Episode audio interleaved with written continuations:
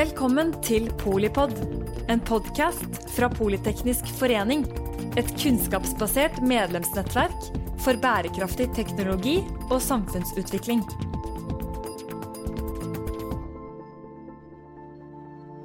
Welcome to Polypod, podcast from Norwegian Polytechnical Society, and today's episode about Gravitate Health and the digital health information journey. This touches us all in different times of our lives. My name is Dr. Eva Turk. I'm a board member of Polytechnical Society Health, and today I'm talking to Professor Anne Moen from uh, University of Oslo and Dr. Giovanna Ferrari from Pfizer. The two ladies are the steering uh, wheel behind Gravitate Health, which is a five-year project that started in November 2020. The project consists of 39 partners from 15 European countries and United States of America and is valued at 18.5 million euro. So, with this, I would like to introduce our speakers. Anne Moen is the project coordinator of Gravitate Health Project. She's a professor in health informatics and nursing at the Faculty of Medicine at the University of Oslo. Anne brings a 25 year experience in health informatics and e health and is specifically user focused in research in electronic health records and citizen centered services. And this with emphasis on uh, feasibility and usefulness for vulnerable groups and elderly. Anne was the first female president of the European Federation for Medical Informatics and served as a task leader in the European Commission's e-health stakeholder group topic uh, on citizen and health data and also contributes to WHO Euro and OECD on digital health literacy and is creating a digital capable um, health work, workforce. Giovanna, Dr. Giovanna Ferrari, she represents the industry project lead for Gravitate Health and comes from Pfizer. She has over 15 years of experience in the regulatory affairs sector of the pharmaceutical industry and has specialized in medicinal product information and labeling since 2009. Joanna has gained extensive experience in the field of local labeling and product information across the wider European region. A particular area of interest of relevance to Gravitate Health is electronic labeling, and in connection with this, Joanna is also active in a range of regional industry activities and forums. Joanna has been involved from the earliest stages in the development of this initiative, in coordinating the group of industry partners which developed the original concept and the call for an IMI integrated digital health information project, which intends to transform the way which patients access, understand, and apply health information in managing their, their career, their health. So, when we speak about the IMI, we need to go back to the European Commission. And the Commission, together with the European Federation of Pharmaceutical Industries and Associations, the EFPIA, and IMI associated partners, they share a responsibility for operation and the implementation of the Innovative Medicine Initiative, called IMI. And IMI supports, uh, aims to support the cutting edge biopharmaceutical innovation in Europe and to speed up development of better and safer medicines for patients.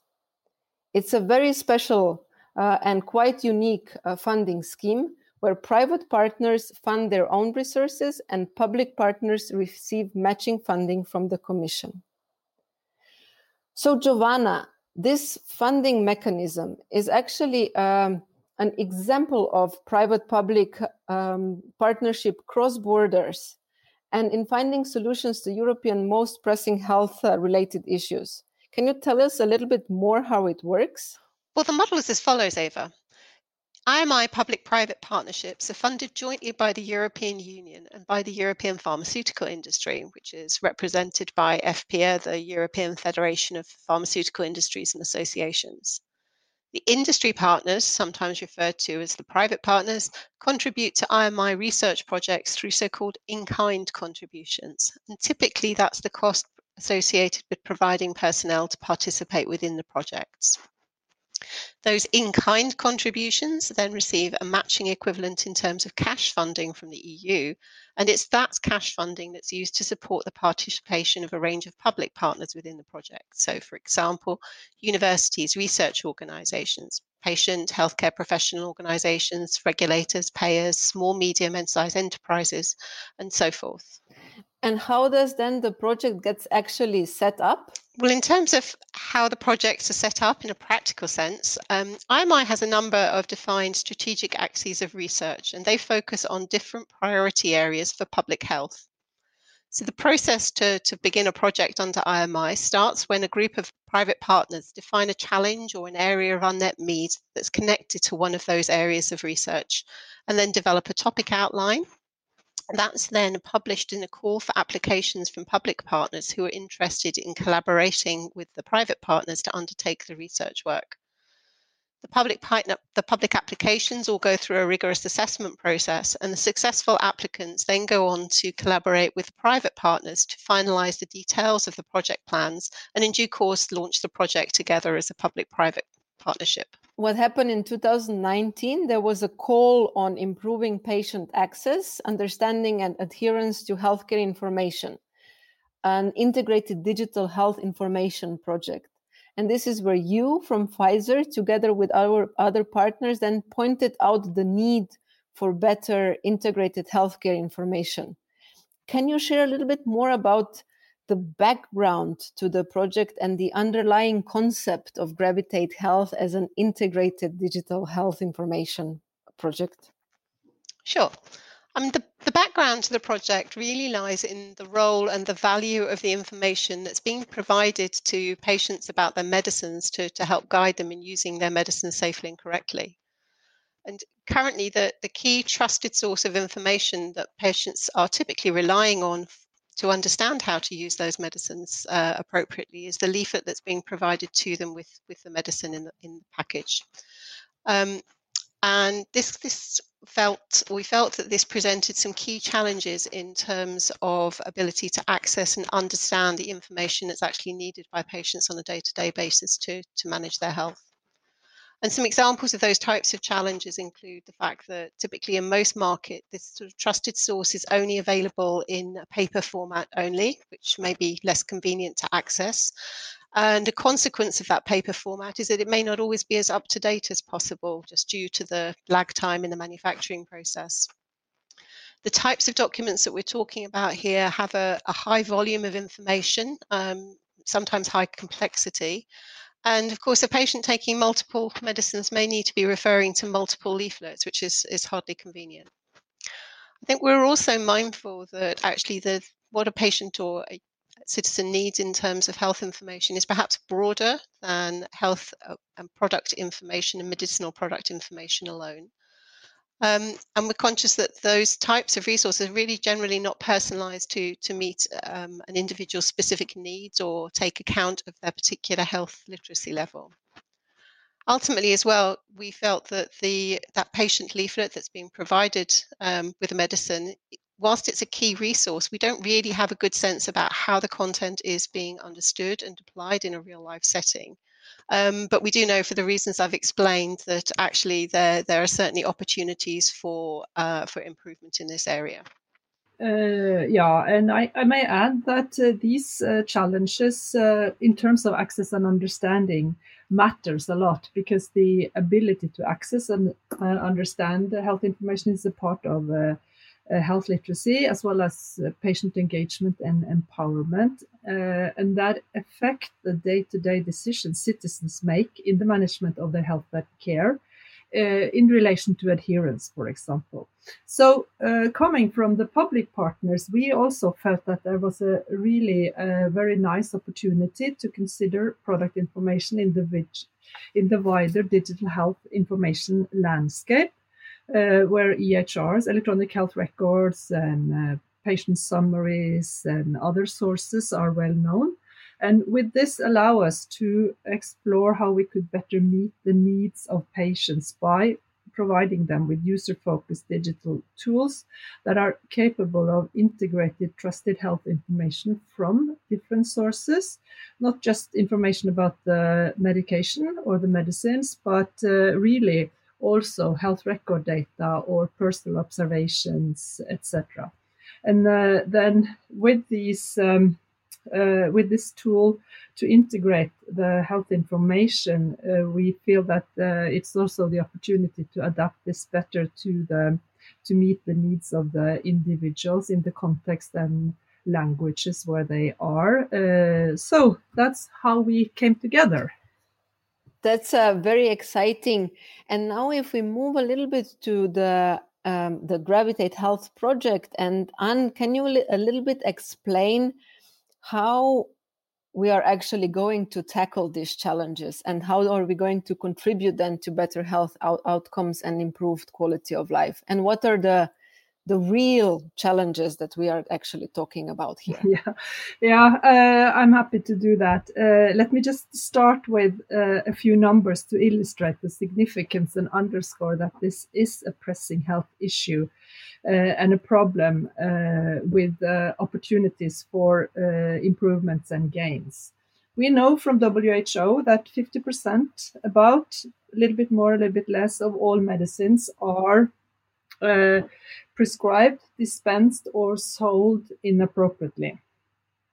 Uh, also, we know that uh, research demonstrates that around 50 60% of people do not adhere to treatment recommendations uh, either because the recommendations are complex to understand. Giovanna mentioned that the package leaflet is quite dense and information laden, or that the required modification of lifestyle uh, and behavior to ensure good outcomes uh, takes too much efforts. Uh, also, OECD has estimated that 200,000 that there are about 200 thousand uh, premature deaths in Europe every year. That's related to poor or non-adherent uh, behavior, poor medication use, and non-adherent medication. And we can just imagine how personal suffering, healthcare cost, and lost uh, productiv- productivity are embedded in such numbers. So this is a um, significant uh, public health uh, concern. Uh, and providing more focused and integrated picture of trusted health information uh, can be uh, an important uh, contribution to reap the full benefit of treatment. For example, taking your medicines as envisioned. At the same time, uh, medication management, uh, for starters, is a quite interesting challenge because empirically, when following the steps in the medication management from decision to prescribe through prescribing, dispensing, till the medication reach the person and it actually takes it, uh, it is a um, a broken chain of uh, activity that's prone with uh, fragmented information, some paper, some digital, some easy to access, some not so easy to access.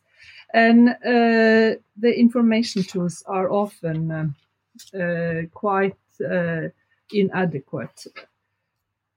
Uh, another interesting aspect in this picture and an opportunity pointing to the opportunity is that currently the European Medicine Agency in Amsterdam are uh, engaged in developing a proof of concept FHIR based standard for the future electronic patient information uh, package information so that the paper in the pack the insert will become uh, digital and this standard will uh, will support uh, transformation for all Europeans.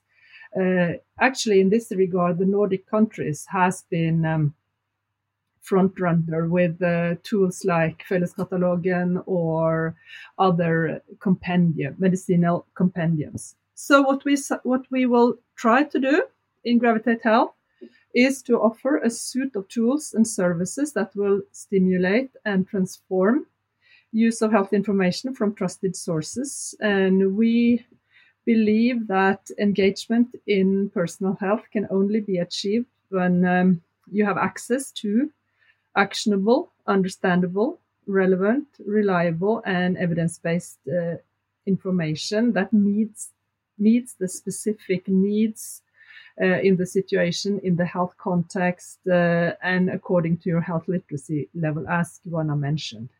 So, therefore, we seek to equip and empower citizens with new tools uh, to so that we can all become confident, active, response, and responsive in the health journey, specifically encouraging safe use of medication for better outcomes and quality of life. So it's quite exciting, and we have a few things in stock. And perhaps I can just focus then on, on the specifics of what we're looking to deliver through the project.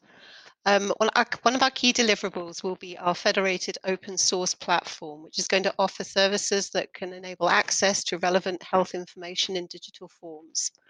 We really feel we have a big opportunity here, and the project's ambition is to provide a key sort of piece of the puzzle that will allow us to facilitate the engagement and empowerment of, of patients and citizens in managing their health. And the tool that we're going to be using for that is the Gravitate lens or the G lens, which will focus but not conceal or filter information that's coming from trusted sources, starting with the approved medicinal product information in electronic form. And it's going to offer us a route for patients to access trustworthy information from health record data and other sources such as up to date health education materials, and that overall can allow us to better meet the the needs of the individual in their own specific health context. We'll be also developing recommendations for longer term realistic strategies that can allow for strengthening access, understanding, and future use of digital services with health information from trusted sources, such as regulator approved electronic product informations, for personal health management and overall as a tool for risk minimization and that's really really interesting. And and i think it shows how the digital health uh, and digital platforms can help us with regard to getting our data and understanding. Um, but before we go more into the technological aspects uh, maybe it is uh, really important to say why is it so challenging for people to adhere to treatment uh, and why do we need to find ways to improve this adherence to treatment? Yeah, that's uh, that's of course the question we've been pondering with too. Why is it so so hard? But just think about it for yourself. If you have to make changes that is not necessarily pleasant in short term, it might be harder. So it has a lot to do with your behavior choices, but it also has to do with. Uh, we also feel that it has to do with um, capabilities and capacities to access information digitally. So there is a digital literacy uh, component, uh, as le- at least when we go forward with the more uh, focused tools. Uh, there is also an understanding uh, or an issue of understanding and fully comprehending the information. And the more complex the information is, the more it takes. Uh, I, I, would like to say that I think uh, adherence is going to be quite important going forward. And uh, for that, I would like to introduce the concept of smart patients. Smart patients can be self assured, they can be motivated, aware, resourceful, and talented. And we would typically see that this is a well adhering or a person that's following the recommendations and actually doing what uh, it has been recommended and anticipated. But on the other hand, we can also have patients that are uh, smart in a different sense, being scared, being minors, uh, being anxious or older, uh, reluctant, and time consuming. And then uh, we also see that it's important to take care to give clear and uh, and uh, comprehensible or clear and and uh, sim- simpler guidance, trying to explain the things in different ways. So initiatives like ours when we seek to engage, equip, and empower the citizens or us as uh, patients, users, taking care of ourselves, in our daily life. Uh, inclusion and sustainability, the goals of inclusion and sustainability is going to be quite important because, of course, we will do whatever we can to avoid that the digital divide goes deeper and that people are left outside.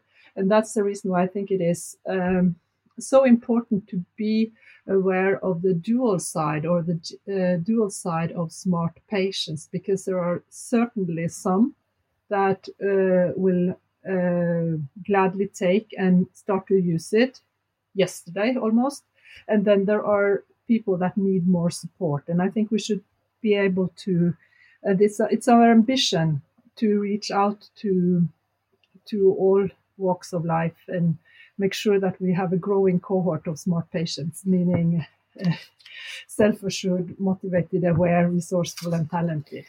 Yes, so basically, by taking the information on medicines uh, and making it more accessible and understandable, we as patients will be then more likely to take uh, the medicines uh, uh correctly. Uh, so, Giovanna, why is it then so important that the industry partners and the public partners work together in finding solutions to guide patients towards uh, understandable, trustworthy, and up to date information? And that it meets all of the literacy levels.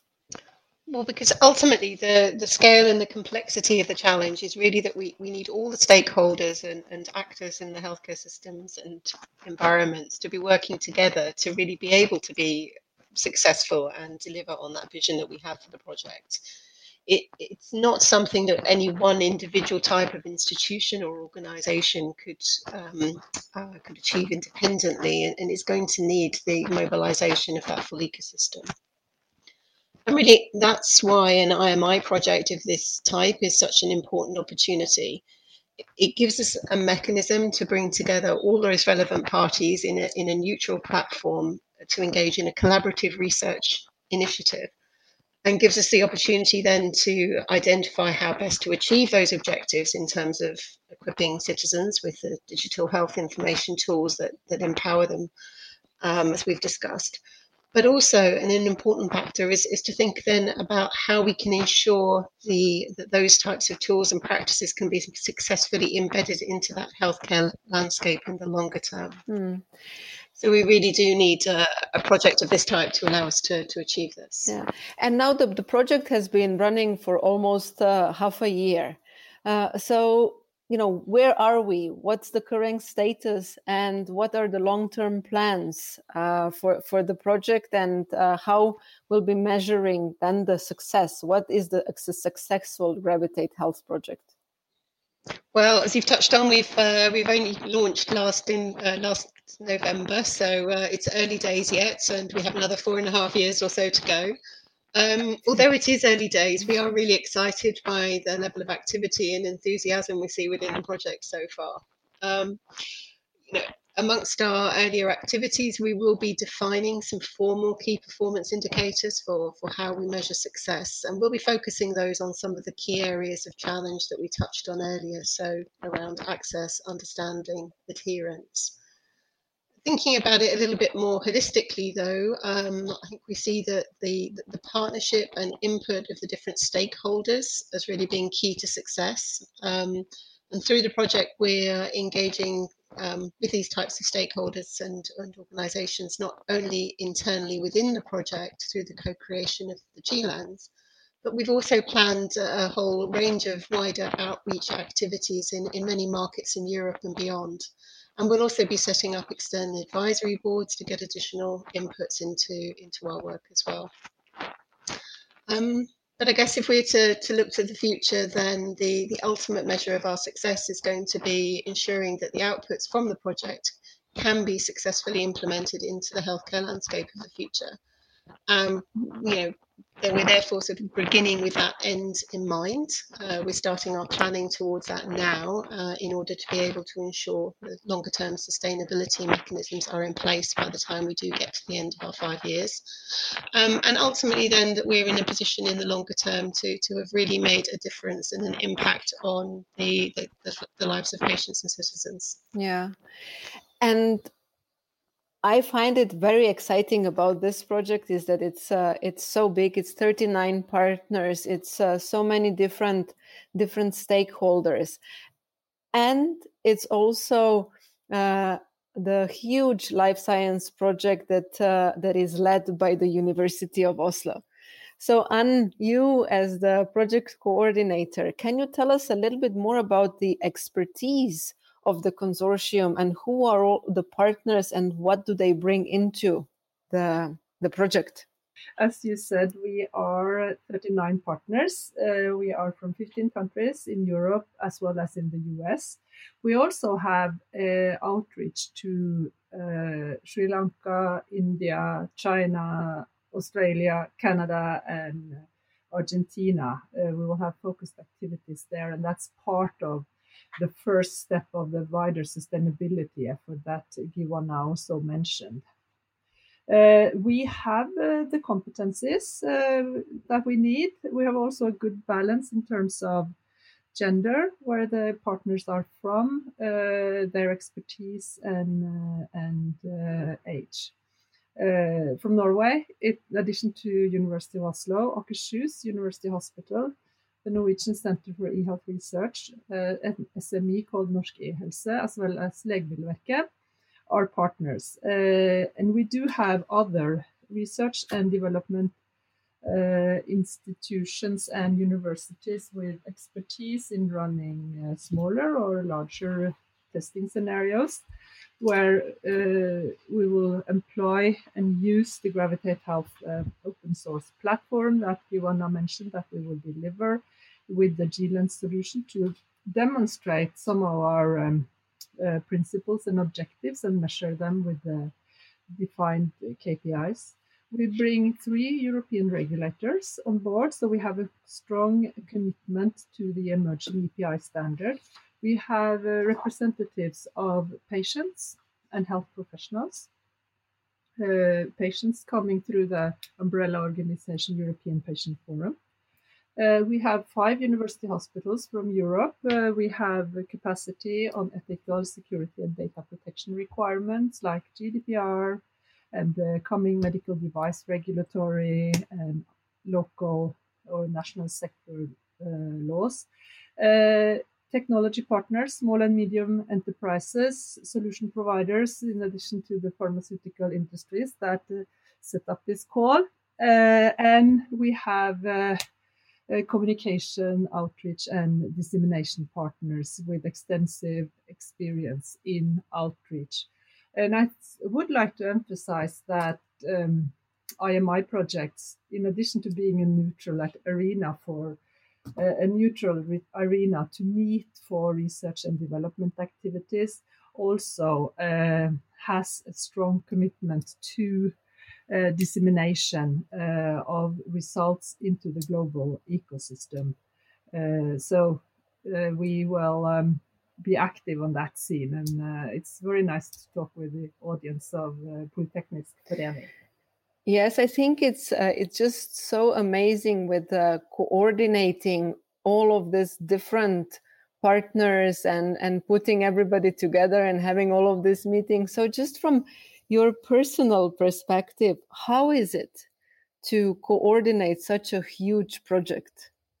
Well, I think undoubtedly it's been very busy, and I'm sure Anna would agree with me uh, on that point, as, as indeed would many others who've been involved in the work. Um, I, I, think personally, for me, it's been really exciting to get to the point of the project being launched and moved into that active phase of work. I mean, what we um, we described a little about the process about how you set up these types of projects but we didn't talk about the time involved and on the industry side we have many people who have been working on this for several years and now on the um, in terms of the public partners, they came into the process uh, a long time ago as well. So I think we're all really excited to have actually got to the point of the project being launched and, and moving ahead. Um, and uh, that's so it's been a, a, very exciting time for the last few months.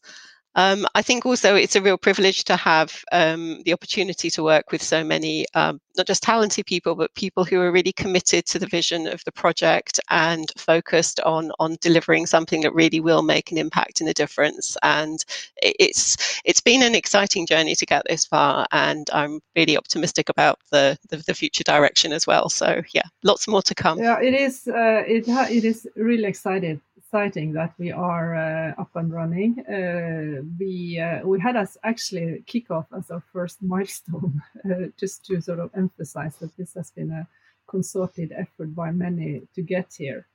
Uh, I think I would uh, I would also point out that it is interesting and sometimes challenging to work with colleagues from different fields, from different cultures and different settings.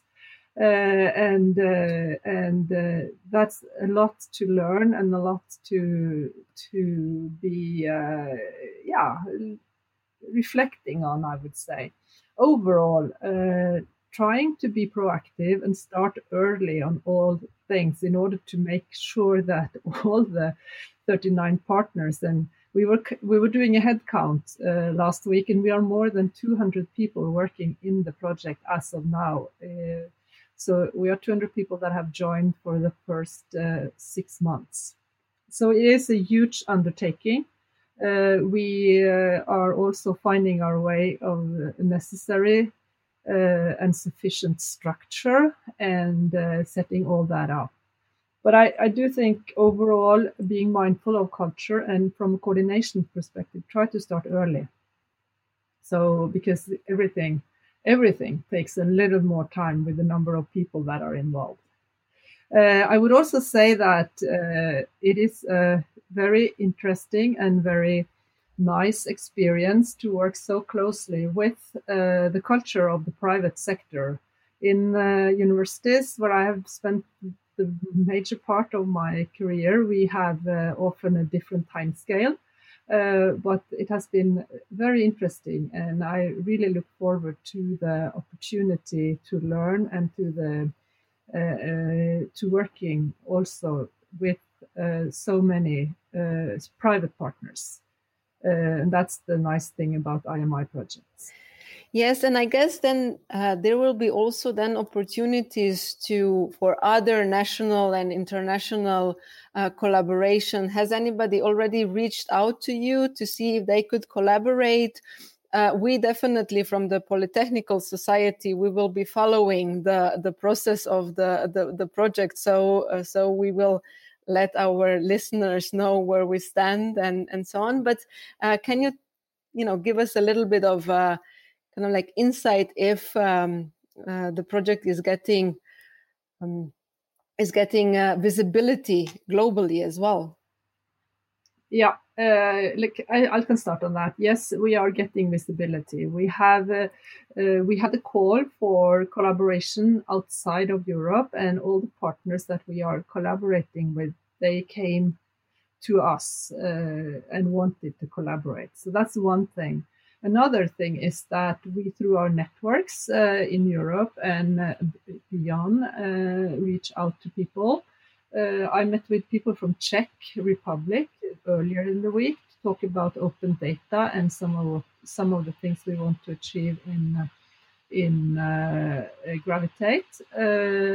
and we have also had discussions with Norwegian authorities and other uh, later today, we're having a meeting with uh, a supplier of health education materials. So we are really there.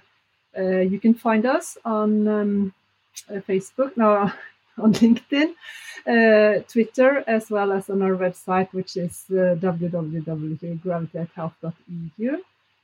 our Twitter handle is at Gravitate Health. so I encourage you to to follow us there. Uh, great. So uh, then our listeners now know know how to uh, follow the the project and how to find out more about the, project and the, the development. So with this, I would really like to thank my guests uh, today, Dr. Giovanna Ferrari from Pfizer and Professor Anne Moen from uh, the medical faculty at the University of Oslo. Uh, as said, you can follow the project uh, on Twitter, LinkedIn, uh, or at the, the website. My name is uh, Dr. Eva Turk, and you've been listening to the Polypod. Uh, you can follow the Polypod on Facebook at the Polyteknisk Forening. Thank you very much for listening, and stay safe and healthy. Takk for at du lyttet til Polipod fra Politeknisk forening. Få med deg flere episoder, eller bli med på nettverksmøtene som du finner på at polyteknisk.